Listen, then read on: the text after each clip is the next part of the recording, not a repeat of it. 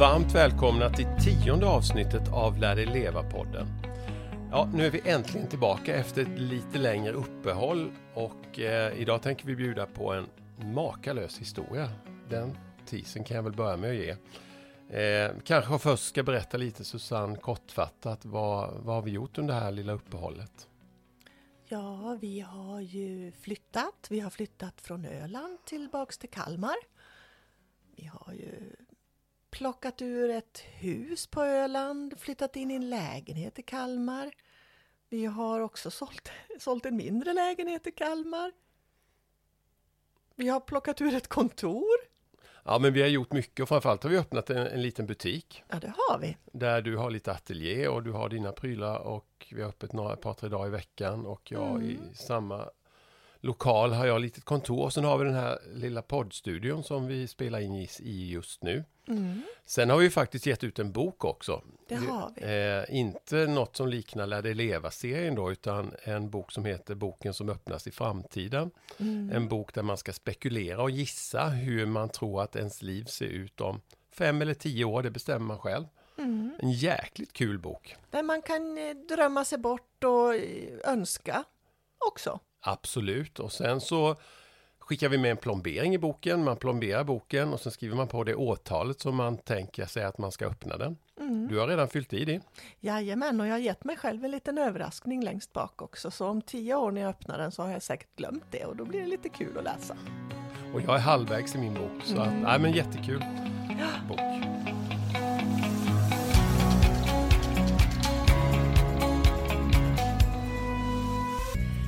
Ni som har lyssnat på oss tidigare eller läst våra böcker vet att vi är otroligt intresserade av andra människors livshistorier.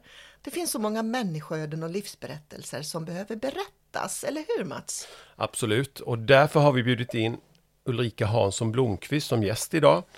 Ulrika är en spännande och envis människa med ett väldigt, väldigt stort hjärta. Eh, välkommen Ulrika! Tack så hemskt mycket. Så kul att ha dig här. Tack. Jag tänkte du skulle börja läsa ett litet, litet utdrag ur den bok som du just nu håller på att skriva på. Ja. Som både Susanne och jag är helt säkra kommer bli en bästsäljare för det är en häpnadsväckande historia alltså. Eh, fast vi har dig med här nu så kan jag inte eh, hålla mig för den här boken utgiven i bokhandeln. Den kommer bli fantastisk. Ja, välkommen, eller varsågod Ulrika och läs Ja. ditt lilla avsnitt. Vi står där tätt intill varandra i fullständig tystnad och närvaron är så intensiv att den lägger sig som ett tryck över mitt bröst.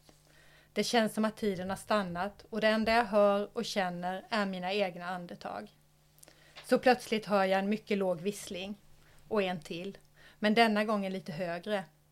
Som på en given signal lämnar den bandagerade mannen mig där jag står och tar sig snabbt över till andra sidan gatan. Jag står nu ensam kvar och där bakom staketet, i skenet av en mycket svag lykta, dyker en svart okänd siluett nästan ljudlöst upp. Ljuset från lyktan ger mannen mycket svaga konturer, men trots det ser jag att han är maskerad. En tyst ordväxling uppstår mellan de båda männen och plötsligt tittar den maskerade mannen rakt på mig. Hela min kropp fryser till is och även om han befinner sig flera meter bort träffar hans blick mig som sylvassa knivar. Jag vänder mig snabbt bort. Min, ja, jag vänder snabbt bort min blick och hinner tänka, hur hamnade jag här? Ah, herregud Ulrika, hur hamnade du där? Ja, Man blir ju väldigt, väldigt intresserad. Ditt liv har ju under de senaste åren kretsat kring den här bandagerade mannen som du beskriver. Och eh, börja berätta lite om ert första möte. Ja, det här är ju, eh, det här är ju då i oktober 2018 som eh, våran resa börjar. Eh, egentligen var det så att jag och min man Johan hade varit ute och ätit och vi hade varit inne i West End, alltså i turiststråken av London. Vilket vi väldigt sällan är. Eh, så det här var liksom en lite annorlunda kväll för oss också. Eh, så när vi hade varit inne och ätit och kommer ut på gatan så var det fruktansvärt väder ute. Och eftersom det är ett ställe där många människor rör sig så sitter det också mycket hemlösa människor naturligtvis och tigger om pengar. Eh, och jag ser alltid till att ha mynt med mig i fickan. Eh, så jag brukar dela ut, jag brukar prata ett par ord, jag brukar kanske köpa en macka till någon och, och sådär. Och det gjorde jag även den här kvällen. Jag delade ut mina mynt och, och jag brukar alltid också säga liksom I'm sorry, I'm so so sorry. För jag, jag känner verkligen med de här människorna som sitter där. Eh, och när vi hade hunnit en bit eh, så var ju pengarna slut naturligtvis i mina fickor och då, då fick jag ju bara be om ursäkt och, och le lite mot de här stackarna som satt kvar. Men sen går vi då förbi någonting som jag inte riktigt först uppfattar vad det är. Eh, jag ser någonting i ögonvrån och jag tänker men alltså, vad var det där för konstigt? Så jag vänder mig om och går tillbaks och där sitter då James. Eh, och han sitter, han har sina byxor uppkavlade till knäna så benen är liksom blottade. Och eh, han sitter med huvudet böjt framför sig. Jag är först inte ens säker på om han lever för att han sitter totalt orörlig. Eh, och benen är ju då totalt täckta av sår. Så det, det är djupa infekterade sår och eh, det luktar ju faktiskt riktig liklukt. Jag, jag, förstår direkt när jag känner den här frätande lukten att det här måste vara liksom förruttnelse. Så jag sätter mig vid sidan om honom och jag knackar honom lite på axeln. Och då lyfter han ju huvudet väldigt, väldigt sakta. Han är ju oerhört svag, han är oerhört mager. Och så vänder han huvudet mot mig och, och ögonen är bara som svarta hål. Det, det, det, finns liksom inget liv i dem. Det är en, en människa som lever men som ändå är död. Eh, och det är här vår resa börjar då. Det är den första kontakten jag har med James. Och jag blir alltid rörd när jag pratar om det, så även nu. Det, det är jättejobbigt, jag, jag känner precis hur det inte kändes, jag känner lukten, jag, jag ser hans ögon framför mig. Och jag tänker bara att den här mannen måste jag rädda. Ingen annan kommer uppenbarligen att göra någonting. Då hade det ju redan hänt, då hade han ju inte sett ut på det sättet. Ja, det är makalöst, alltså jag, jag blir också ja. väldigt berörd alltså. Ja, det, det, men hur, hur, alltså från det att du sitter där med honom med den här stanken egentligen mm. och de här eh, håliga ögonen. Och, alltså, vad händer då? Vad, vad är din nästa tanke? Liksom? Nej, alltså det är inte så många tankar. Det är bara eh, den här mannen måste jag rädda, annars dör han. Det finns inga andra tankar i mig. Det, det är bara eh, det är intuitivt Eh, jag fattar det beslutet. Eh, jag vet att jag kommer att klara det. Jag har aldrig tvivlat. Jag tänker att jag gör vad som krävs, för ingenting kan vara viktigare att en, än att rädda en annan människas liv. Det, jag har inga tankar, det är bara ett beslut. Jag bara fattar beslutet. Börjar ni prata där, mm. eller vad gör du? Alltså, han är ju så väldigt, väldigt sjuk och så väldigt svag. Eh, men jag stryka honom lite över axeln kommer jag ihåg, för jag kände att jag på något sätt ville liksom visa att jag fanns där och att, att nu kommer det att bli bra på något vis, nästan som man gör med små barn, ni vet. Och så säger jag, jag heter Ulrika, säger jag. Vad heter du? Och då tittar han på mig, så han är tyst en stund och så säger han James, säger han, jag heter James. Och sen kommer jag ihåg att han bara vände sig bort ifrån mig igen och liksom sjönk ner med huvudet i sina händer igen. Eh, men jag satt ju kvar och jag började föra en dialog med honom och på något vis var det lite som att han nästan kvicknade till för att eh, Ja, han fick väl någon som såg honom. Han kanske också såg en, en glimma hopp, jag vet inte. Eh, men det som händer sen är att vi får en, jag, jag, känner, och det har James sagt efteråt också, det kändes någonting speciellt. Jag kände att det här är det jag ska göra. Det råder inga tvivel. Eh, här börjar liksom ett nytt kapitel nu. Jag kommer ihåg att, att vi var iväg och köpte en, en kopp kaffe till honom. Han ville ha kaffe. Eh, så vi köpte tre koppar och kom tillbaka och satte oss. Men han ville ju inte ha kaffet för att dricka det utan han ville ju värma sina händer. Så att han satt ju med händerna kupade runt. Eh, han, han var ju så trasig, han hade ju ingen riktig jacka, han hade inga, inga strumpor.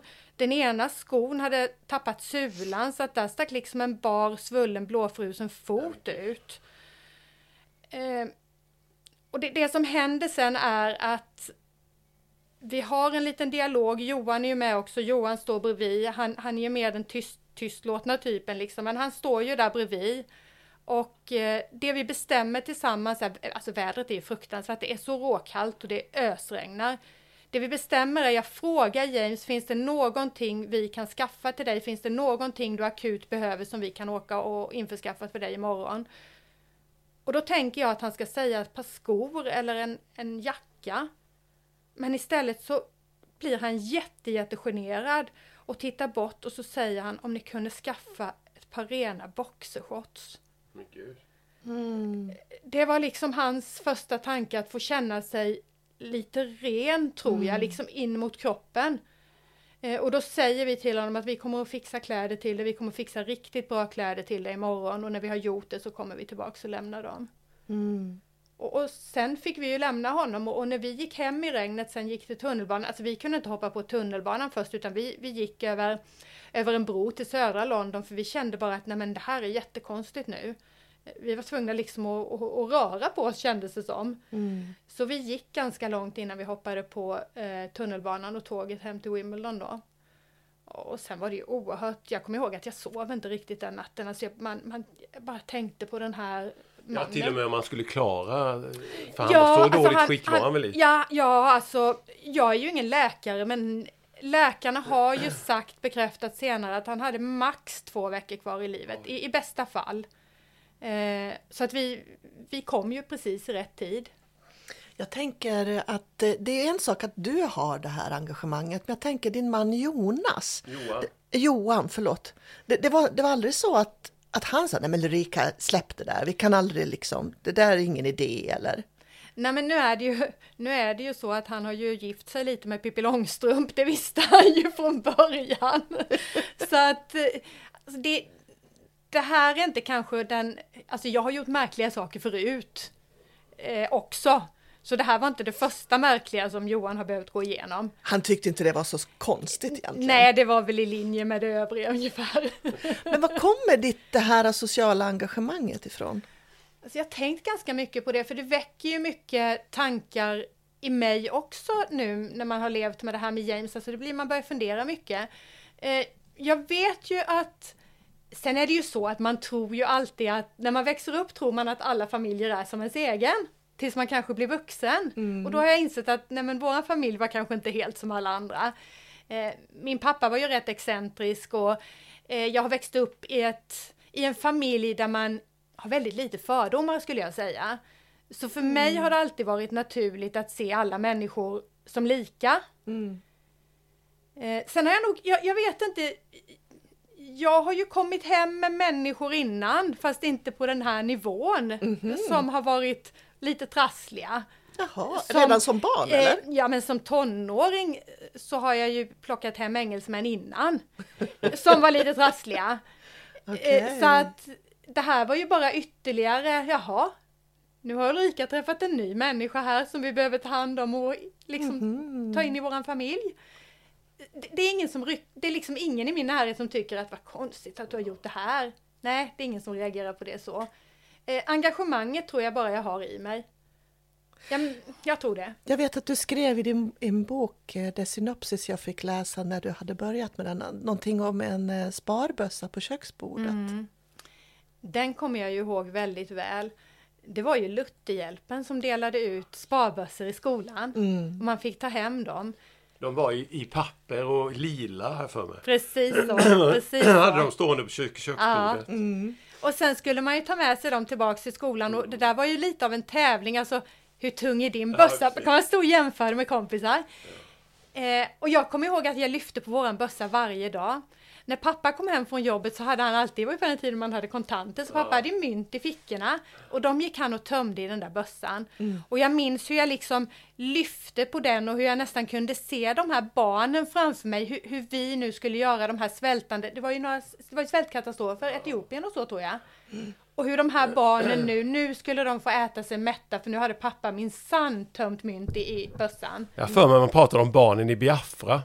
Ja, det gjorde man Gjorde ju man också. inte det? Ja, precis. För det kunde man få sig en släng av ibland när man inte åt upp.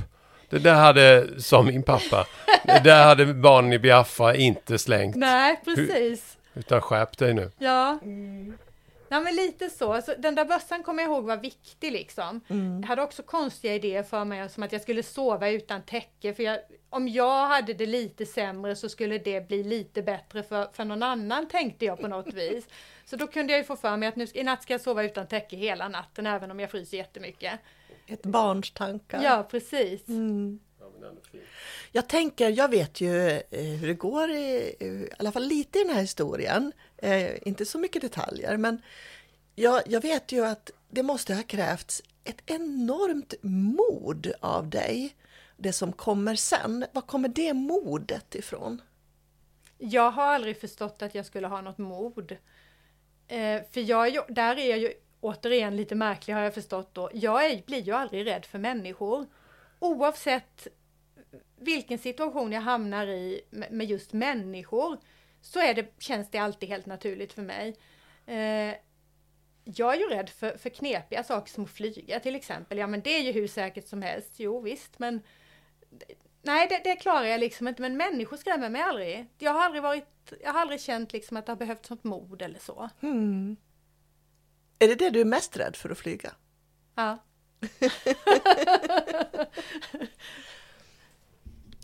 Då tänker jag så här. Ni har bestämt er för att ni ska köpa kläder till den här mannen, till James. Och eh, det gör ni sen eller? Ja, och där blir jag så, jag blir så ruskigt, ruskigt vansinnigt förbannad inne i den där klädaffären kommer jag ihåg. För vi åkte tidigt på morgonen, så fort de öppnade åkte vi in till stan och eh, gick till en större klädaffär. Och plötsligt då så ser jag hur människor beter sig. Ja men du vet, de sliter åt sig en tröja, tittar lite på den och sen äh, och sen slängde de den på golvet. Och man såg liksom, och plötsligt för mig så blev det som att det var James de slängde nästan. De tittade på någonting och så slängde de det och jag kände att det känns nästan lite som de här hemlösa människorna som, som sitter där. Man har tittat lite på dem och sen har man slängt ut dem på gatan. Och så får de sitta där, ingen vill ha dem, man trampar lite på dem, man, man bär sig illa åt. Jag hade kämpade väldigt med det i den där klädaffären och jag kämpade också med att jag ville köpa så väldigt mycket saker. Samtidigt som jag ju på något sätt var tvungen att respektera vad James hade önskat. Det går ju inte att komma med tre påsar kläder, dessutom bor man på gatan, man kan inte bära med sig det här. Eh, men det, det åkte ju ner en, en hel del i den där kassen. Det var ju strumpor och det var boxershorts och det var en bättre jacka och det var några sköna joggingbyxor liksom. Eh, och sen åkte vi, ju, åkte vi ju till James då. Och han satt ju precis där han hade sagt att han skulle sitta. Han satt precis likadant som han gjorde dagen innan. Och eh, jag sätter mig och knackar honom på axeln igen och säger att vi är här nu James, säger jag. Och då tittar han upp och så säger han, åh, säger han, ni kom verkligen, trots att det regnar så mycket. Och så tänkte jag, men vad är ett regn? Vad är ett regn för oss som har en lägenhet att åka tillbaks till? Så han visade sån, Ja, han, på något vis visade han sån omtanke redan där.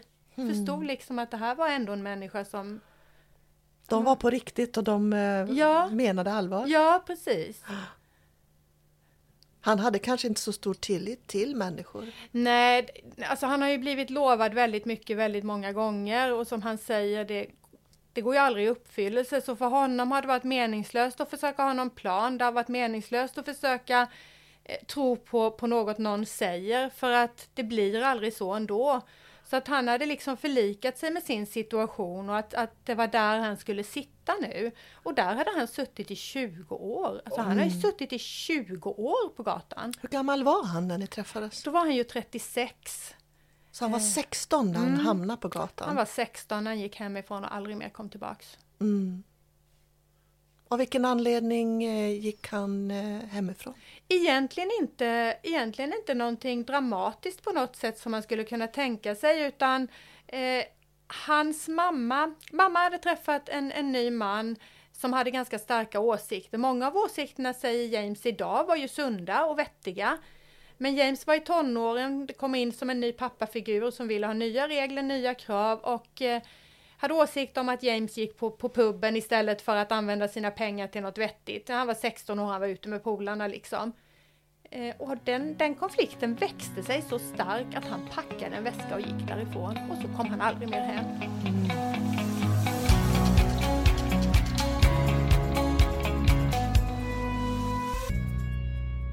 Vad, vad hände sen? Så här? Eh, vad var nästa steg för dig och Johan?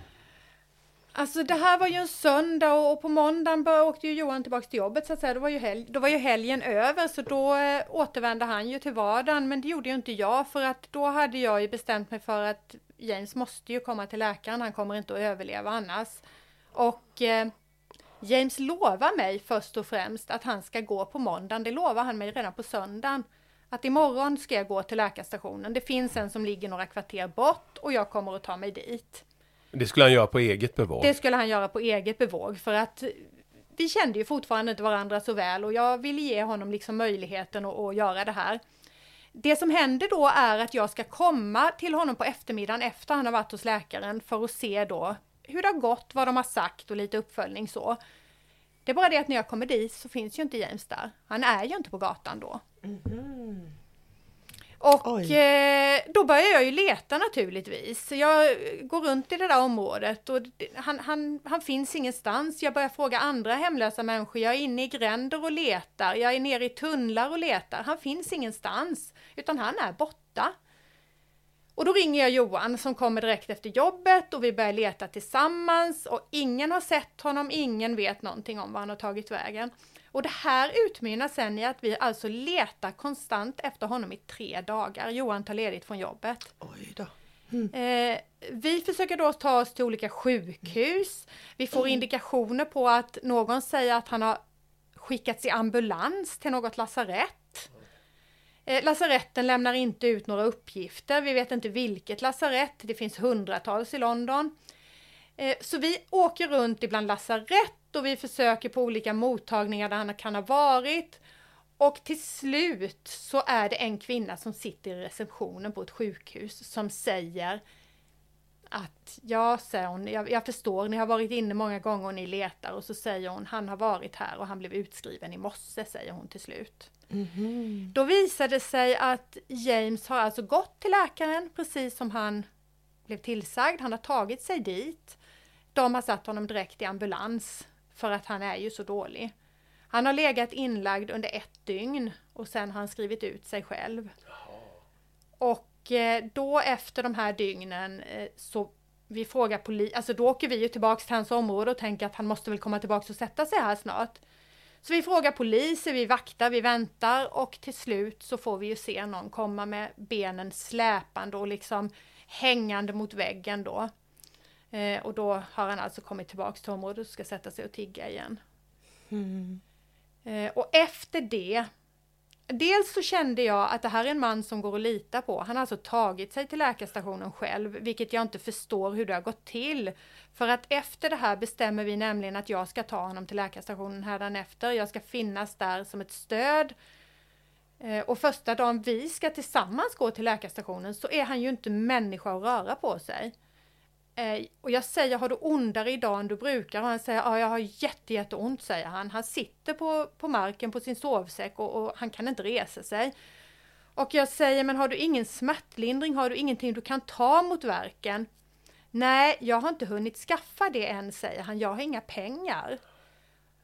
Och i min lilla värld så trodde jag ju att kanske inte direkt att han åt Alvedon, men jag tänkte kanske ändå att det var några piller han köpte på gatan som var starka och som tog verken. Jag visste ju inte ändå att han som sagt då använde heroin. Det kom mm. ju senare. Mm. Eh, så då när jag ska ta honom till läkarstationen så först får vi ju inte ur benen ur sovsäcken. De sitter ju fast, de har ju Oj. limmat fast där med, med vätskat sig så mycket. Så att han är på väg att svimma när jag ska försöka lossa den ifrån hans ben. Han skriker, han ylar som ett djur och jag säger men älsk, älskade, älskade James, vi måste få loss det, det finns ingen annan möjlighet, vi måste tillbaks till läkaren. Eh, och när vi väl lyckas få loss honom så ska ju han då, jag hjälpa honom att rulla ihop sovsäcken och ska packa det här i hans väska. Och när han är på väg att resa sig då, så alltså då, då, då skriker han och ylar så högt så jag tänker att nu dör han nu dör han. Oj, Nej, nu dör han framför mina ögon. Och då är han ju på väg att liksom falla, han sitter på huk och jag rusar fram och får tag på honom under armarna så han blir liksom hängande i famnen på mig. Och sen lyckas vi tillsammans få upp honom i stående. Och så vet jag att det är tre kvarter till den här läkarstationen. Och jag vet att vi måste ta honom dit för jag, jag tänker det här måste vara blodförgiftning, det här måste vara allting du bara kan tänka dig i de här såren. För då är det ju så att har han ju skrivit ut sig själv från lasarettet på grund av att han var tvungen att ha heroin. Han får ju inte det på lasarettet. Så en, ett dygn klarade han och sen stack han. Och har ju naturligtvis inte hunnit få någon hjälp mer än lite antibiotika i, i intravenöst då. Eh, Så då får vi upp honom stående och jag säger du får hänga runt mina axlar så jag får se om, vi kan, om jag kan släpa dig. Det kommer aldrig att gå, det kommer aldrig att gå, sen det kommer att gå, så ja det kommer att gå. Vi, vi ger oss inte förrän vi är där. Så jag lyckas då, det tar ju lång tid, jag kommer att ta nästan en halvtimme de här tre kvarteren. Jag drog honom bakom mig. Och när vi kommer fram då, sen har jag ju hans väska på ena axeln för han har ju, där har han ju sina prylar och det är ju en sovsäck och det är ju en väska och sen är det James då också som hänger runt mig. Och när vi kommer fram till den här läkarstationen då, jag släpper liksom ner väskan. Då trillar han handlöst över väskan han också. Då bara rakt, då bara trillar han ihop. Oj, oj. Så att där började ju den här resan med hans ben och de här bandagen som då ska bytas varannan dag. Hela, hela tiden. Och där jag då följer med honom och gör det, men, men från den här dagen kan jag säga så, så, så kan man säga att jag bodde hos Jens på gatan. Jag kom klockan åtta på morgonen, jag väckte honom. Eh, han eh, hade i bästa fall kunnat spara lite heroin från kvällen innan så han inte var abstinent på morgonen. Då kunde han ta det på morgonen när jag väckte honom. Annars så var det ju så att då fick han ju börja med att sätta sig och tigga och då hade han ju enorm värk. Och jag satt då från början ville han att jag skulle sitta bredvid honom. Han, han, var så, han var så törstande efter mänsklig kontakt och någon att prata med. Han kunde nästan inte prata när vi träffade honom först för höst. Rösten hade liksom inte använts så att den var jättesvag och konstig. Oj. Eh, och då brukade jag, började vi med att jag satt bredvid honom men sen insåg vi att det här, fun- det här funkar inte för att han eh, får inte in några pengar. När jag sitter där så är det ingen som lägger någonting i koppen. Nej, nej. Så att jag hittade ju ett stamhak, ett café mitt emot där jag tillbringade alla mina dagar. Eh, Där såg, där kunde vi sitta och vinka lite åt varandra genom fönstret och han liksom visste att det var någon som var där. Så tiggde han ihop sina pengar, sen kom han in på kaféet, släppte ner sin väska, vi räknade mynten tillsammans. Han gick iväg och köpte sitt heroin, han tog sitt heroin, jag stod bredvid och tittade så han inte tog en överdos. Sen satte han sig igen på trottoarkanten och jag gick in på kaféet och sen fortlöpte det så här de dagarna vi inte hade läkarbesök och så. Jag tänker på mat, alltså behöver man ingen mat när man går på heroin? säga? Eh, de får ju jättemycket mat. Jaha. Eh, det, det är aldrig någon brist på mat. Det får de i överflöd. Aha, det, är av så många, människor. det är människor som går förbi. Det är lite en annan kultur i England. Det bygger lite på volontärarbete och lite så här. Det är ett klassamhälle och de som har mer pengar ska då hjälpa de som Okej. har mindre. Och just vad det gäller mat fungerar det väldigt bra. Du menar att det finns organisationer då som... Nej, det är, är privat, privatpersoner Ja, okej. mm, som ger och det, de får alltid väldigt mycket mat och sen har de ofta någonting som de kallar regulars då, alltså de har de här människorna som går förbi varje dag och kanske lämnar en smörgås varje dag de går förbi. De har liksom ett litet, de får sina egna eh, vad ska man säga, sina egna kontakter som värnar om just dem då. De är inte beredda att gå den, eh, det du, det du och Johan gör, utan de dövar sitt dåliga samvete genom att leverera en macka. Eh, Men att ta det stora övergripande, Nej, Hjälpen. alltså det, jag tror att det är lite så. Sen är ju maten naturligtvis oerhört viktig också. Så att det är ju tur att, det är tur att, att, de, att de här människorna finns. Men i James fall så var ju inte hunger det han skulle dö av.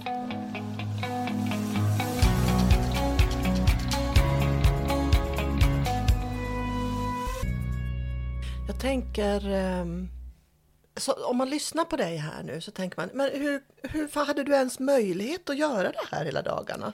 Ja, jag, pl- jag pluggar ju då i England. Jag pluggar ju engelska. Och just när jag träffade James i oktober så hade jag börjat en kurs uppe i, i Ealing tror jag det var, ganska långt hemifrån, men jag, det var tre dagar i veckan. Eh, jag berättade det här för kursledaren när jag hade träffat James och han säger till mig att vi, du kan köra online, sa han. Jag fixar allting, du kör online. Så att jag har ju suttit på det här kaféet och pluggat min engelska. Under tiden jag liksom tittar ut och tänker att ja men där sitter James och tigger ihop till sitt heroin. Det, det, blev, det blev väldigt snabbt normaliserat. Otroligt snabbt normaliserat. Det var din vardag. Ja, och jag, saker man aldrig trodde man skulle säga liksom. Det är ju när jag, jag brukar ringa till mamma rätt mycket när jag, när jag satt där. Och det här är ju verkligen så, saker du aldrig trodde du skulle säga. Ja, hur går det för James? säger mamma. Jo, men det går bra. Han har fått ihop fem pund nu, så nu fattas det bara fem. Sen kan han ju äntligen gå och köpa sitt heroin. Ja, men vad skönt, då tog det inte så lång tid idag, Ja. säger hon. Du vet, alltså det blir så här surrealistiska Ja. samtal. Ja, verkligen. Och din mamma var ju, antar jag då, hon tyckte det här var helt självklart också att du gjorde. Så jag har ju frågat henne, men var du inte rädd mamma? Tänkte du liksom inte? Nej, men du vet, man är ju rätt luttrad, säger hon. Ja. Jag visste ju att du skulle reda ut det där.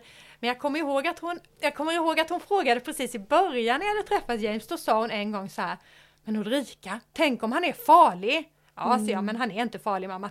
Tänk om han är en mördare? Nej, mamma, han är ingen mördare. Nej, sa hon då, så var liksom det bra. Då hade vi utrönt, då var inte det en, en tanke längre. Jag tänker den, den eh, stycket som du läste ur boken. Mm. Vad handlade det om egentligen? Ja, det, det var ju så här att eh, det börjar ju liksom, jag börjar ju vara med James hela dagarna, vilket innebar att jag var ju med på allting han gjorde. Eh, Och det är ju också då att köpa heroin. Och det är ju Ibland så gör man det lite på öppen gata, alltså det sker ju väldigt smidigt och jag tror att alla turister som går förbi ser ju inte detta, Nej. att det händer. Men det är också ibland så att det är svårt att få tag på en eh, försäljare. Och ibland måste man gå ganska långt och ibland måste man in på ställen där det är väldigt mörkt. Och det är särskilt då om det är de som är i toppen av pyramiden. Eh, de som liksom är själva bossen, va? Kingpins kallas väl de va? Ja, Sen är, ja, det, är väl, det är ju liksom själva ledaren i det här nätverket. Alltså, det finns ju springpojkar som säljer droger och så finns det liksom en pyramid och högst upp är ju Kingpin, det är han som är bossen liksom. Okej. Och Kingpin får man väldigt sällan träffa för att han har ju springpojkar. Men finns det väldigt mycket droger att sälja så får även de gå ut och jobba om de har fått in väldigt mycket. Och då sker det på sådana här ställen där du inte kan identifiera någon och det inte finns några vittnen. Eh, så att det här är ju när vi ska... Ödsliga ställen, helt enkelt. Så det här är ju när vi handlar av en Kingpin helt enkelt. Mhm. Och de är ju maskerade alltid. Och de bär alltid vapen. Och James hade gått igenom, han har ju gått igenom innan för mig att när vi handlar av Kingpins liksom, då, då får du aldrig någonsin, du får inte titta på dem, du får inte möta deras, eh, liksom, du får inte ha någon ögonkontakt. Du får inte röra dig hastigt, för de skjuter ju liksom. Utan du står helt stilla, så långt ifrån att du inte ska kunna identifiera dem och du tittar bara liksom ner i marken. Och det här är ju ett sånt tillfälle. Eh, och jag kommer ihåg att just i det här fallet så blev det en liten diskussion mellan James och den här Kingpinen för att man kan ju bli tagen för att vara en undercover, alltså många gånger så tror man att det är en polis då. Just det. Och då förs en dialog däremellan. Eh, och till slut så nöjer sig ju då den här Kingpin-mannen med att eh, jag inte är polis då. Men han tittar ju rakt på mig. Jag hör ju att de har en liten hetsig dis- diskussion och sen tittar han ju rakt på mig. Och jag tänker bara att Gud, vad händer nu? Men sen lugnar sig ju situationen igen då. Och det är då du tänker, hur hamnade jag här? Ja, alltså det blir ju en, en surrealistisk känsla. Det blir ju någonting som är nästan att man står utanför sig själv och nästan tittar på situationen utifrån och tänker att men oj! Mm. Hur, hur gick det här till? Jag tänker, hur länge hade du eh, känt James vid det laget? Eh, jag skulle säga att par månader var det nog innan eh, jag fick börja följa med och handla.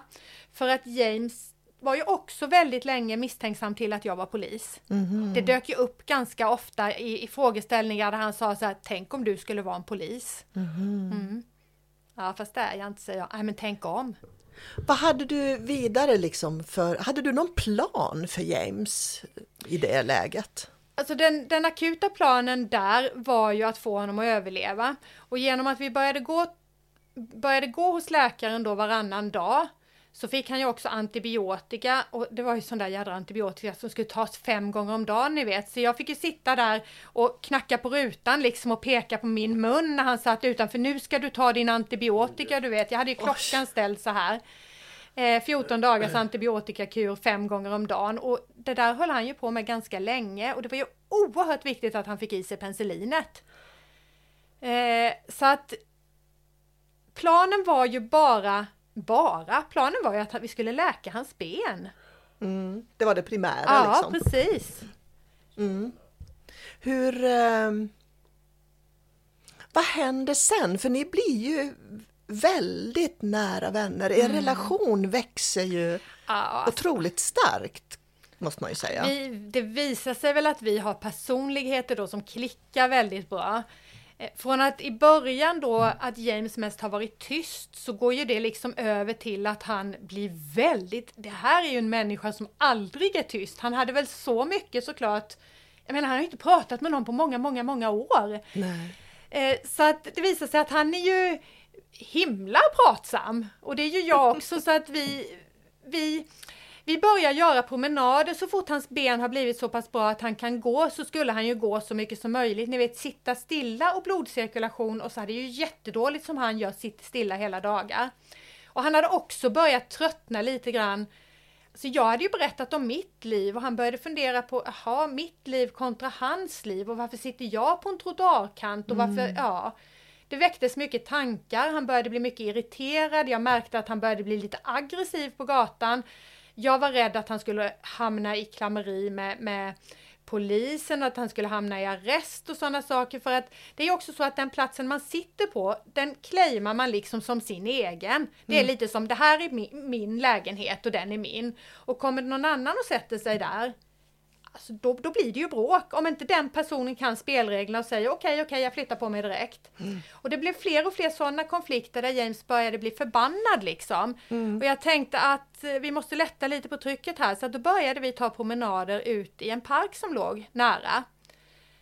Och i början var de ganska korta, 15 minuter kanske. För han behövde ju tillbaka och, få ihop pengar, så var det ju. Han var ju stressad när han lämnade sin plats för det innebär ju bortfall i, i, i ekonomi helt enkelt, för dålig inkomst. Så först hade vi ju en kvart där vi gick och då var han mestadels tyst.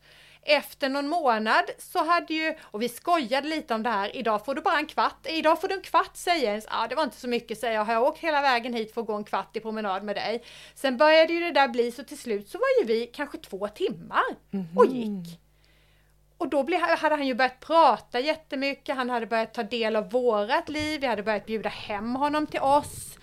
Jag tänkte ju liksom att jag vill ju ge honom jag börjar ju tänka, jag har ju varit anställd på socialförvaltningen och är utbildad, har jobbat med, med missbruk och så.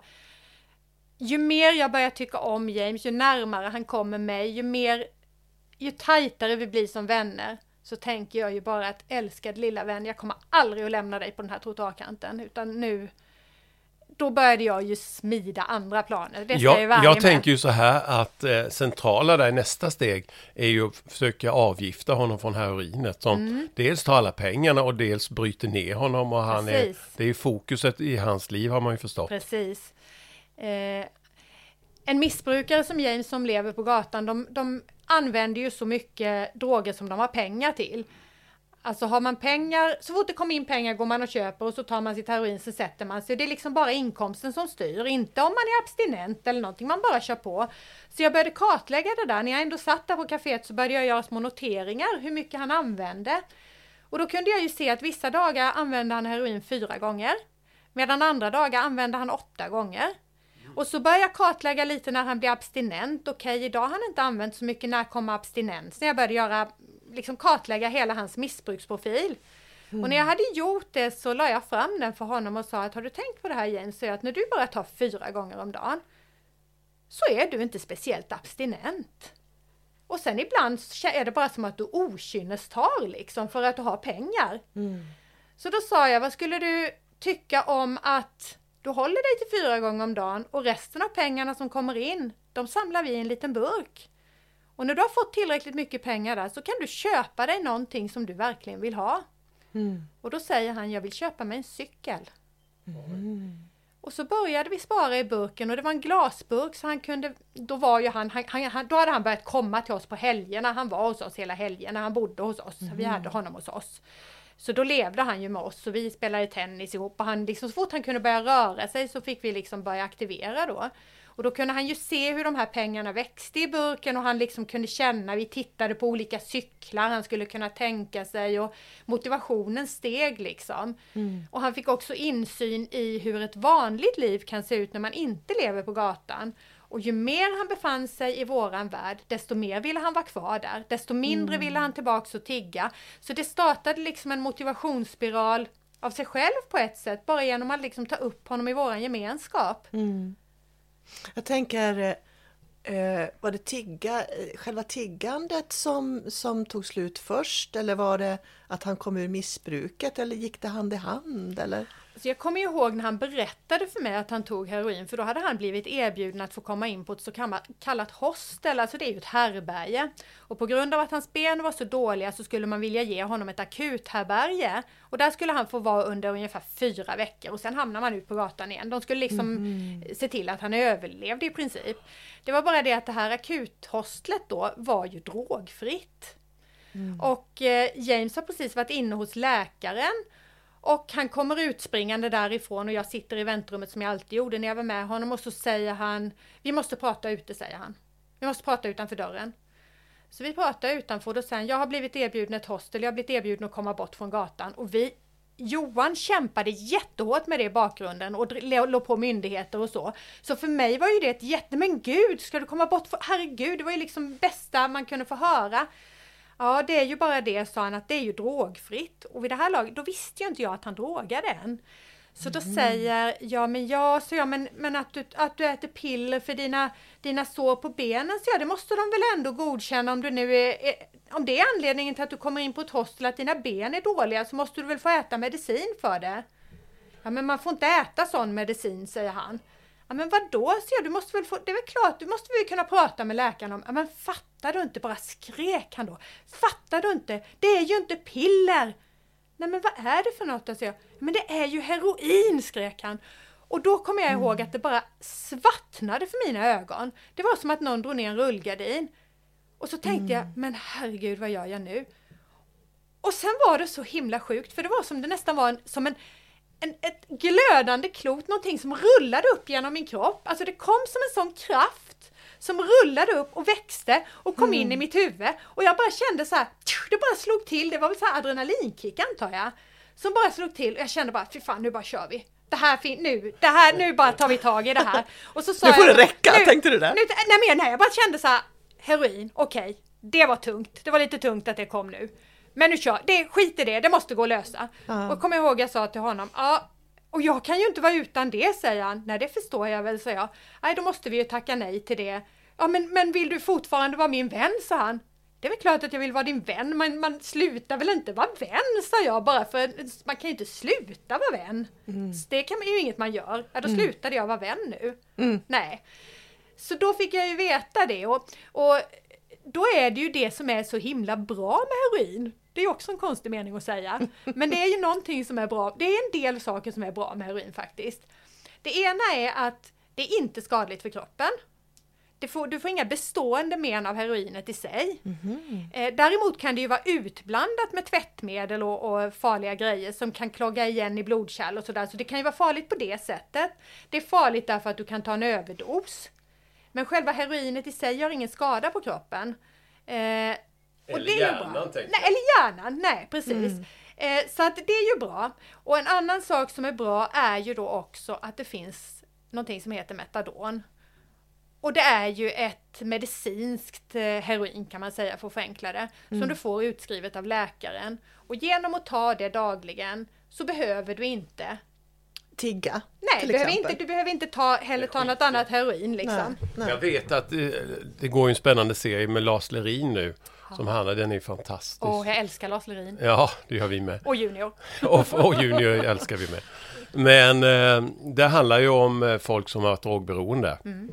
Och han, Lars Lerin var ju beroende av bensodiazepiner. Precis. Eh, och han sa just det i senaste avsnittet som var otroligt intressant. Mm. Att han jämförde faktiskt heroin med benzo. Ja. Och han sa det att eh, benzo är mycket, mycket, mycket värre att eh, eh sätta ut eller mm. bli av med mm. än vad heroin är. Mm. Han, nämnde, han gjorde ju faktiskt en jämförelse. Jag tänker lite så här nu Ulrika, vi har ju tänkt, vi, vi, tycker att det här är en sån fantastisk historia och det finns ju så otroligt mycket att berätta om det här. Och vi vet ju att det, det finns ett väldigt fint eh, fin fortsättning på den här historien. Ja. Jag ska inte säga slut, för Nej. det är definitivt inte slut. det är bara början. Det är bara början. Och då tänker jag, vi ska nämligen sända det här då i två avsnitt, bara okay. för att du ska få möjligheten att berätta ah, hela roligt. historien.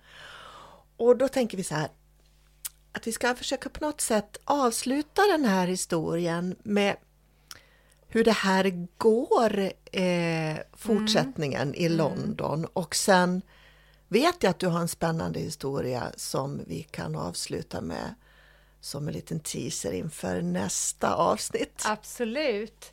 Eh, det var ju så här att när vi hade lärt känna James, han bodde hos oss mycket och eh, vi är ju alltid i Sverige på somrarna och såklart så kan ju vi inte lämna kvar James i London och åka till Sverige och åka på semester liksom. Utan vi fick ju börja rodda med så att han skulle kunna följa med oss till Sverige över sommaren. Jag måste bara sticka in där. Hade han fått metadon mm. då eller? Nu är han på metadon och vi har också kommit så långt, för det här är ju då sommaren 2019 och vi har också kommit så långt att han själv då med hjälp av metadonet alltså har eh, har slutat ta heroin totalt. Den 16 mm. april 2019 var första dagen han inte tog heroin på 20 år. Eh, det firade vi med, han ville ha pommes och en god köttbit så det lagade vi ihop hemma hos oss. Det var mm. önskemålet. Så att nu är han bara på metadon. Metadon är lite jobbigt att resa med, det är väldigt mycket restriktioner runt det. Det är ju tung, tung, tung narkotika så man måste varsko tullen och massa saker om att man åker in över gränsen med det. Men han var på metadon och vi hade fått kontakt med de sötaste sjuksköterskorna på Lindsdals vårdcentral som skulle ta hand om hans ben och hans bandageomläggningar där. Ja, de var så jättegulliga så de skulle sköta det medan vi var i Sverige. Eh, och sen är vi ju i Sverige och har ju fantastiskt, jag menar det var jättehärligt att få ta hem honom hit och, och mamma och han fann varann och började kramas direkt och det var så himla mysigt allting. Sen skulle vi ju då åka tillbaks och jag som är flygrädd då, jag väljer ju hellre att resa genom hela Europa. Eh, det är ju jättemärkligt men så gör jag. Jag reser i flera dagar och andra människor flyger på två timmar. Och det skulle ju då Johan och James göra, de skulle ju flyga hem. Och när de kommer och ska gå igenom tullen så går Johan först, han visar, han visar sitt pass liksom och det står ju tulltjänstemän där och han visar sitt pass och går igenom och sen så, men vad fan tog James vägen? Han vänder sig om, då ser han liksom bakom sig hur det plötsligt står tre tulltjänstemän runt James och James skitstressad liksom, han, mm. han blir jättenervös. Då visar det sig att han är rödflaggad heter det. Det betyder då att man är internationellt eftersökt, alltså man är, man är anmäld som en försvunnen person. Mm. Och eh, då plockar de honom åt sidan och säger att hörru du, eh, du är anmäld som försvunnen person, du är rödflaggad här, vi vill titta på din legitimation, vi vill se att det verkligen är du. Och James blir jättestressad och så säger han, men vad handlar det om liksom? Nej, du är anmäld försvunnen, säger de då. Ja men vem har anmält mig, vem har anmält mig säger James. Ja det får vi tyvärr inte tala om säger de. Vi får inte tala om vem det är som har anmält dig. Men vill du lämna ut eh, dina kontaktuppgifter får vi ta ditt telefonnummer. Mm. Och då sa mhm. James, ja det får ni göra. Okej. Okay. Mm. Så eh, där kände jag att det kanske var en teaser. Eller mm. inte. Mm. Eller? Ja, för jag, min nästa fråga blev, jag hade glömt bort att det skulle vara en teaser, så jag tänkte, men gud, hur går det? Det var det vi inte skulle säga. Nej, precis. Så att eh, vi får avsluta här tror jag och sen så tar vi eh, fortsättningen ja. i nästa avsnitt. Ja men tack Ulrika för det här första avsnittet och delen av din makalösa historia. Tack så hemskt eh, mycket. Och, eh, och den här teasern vi fick med oss. Nu vill man ju bara höra fortsättningen och det kan man faktiskt göra också. För att eh, del två finns publicerad nu och eh, det är bara att fortsätta lyssna. Så välkomna in till nästa avsnitt som finns av Lär dig leva-podden.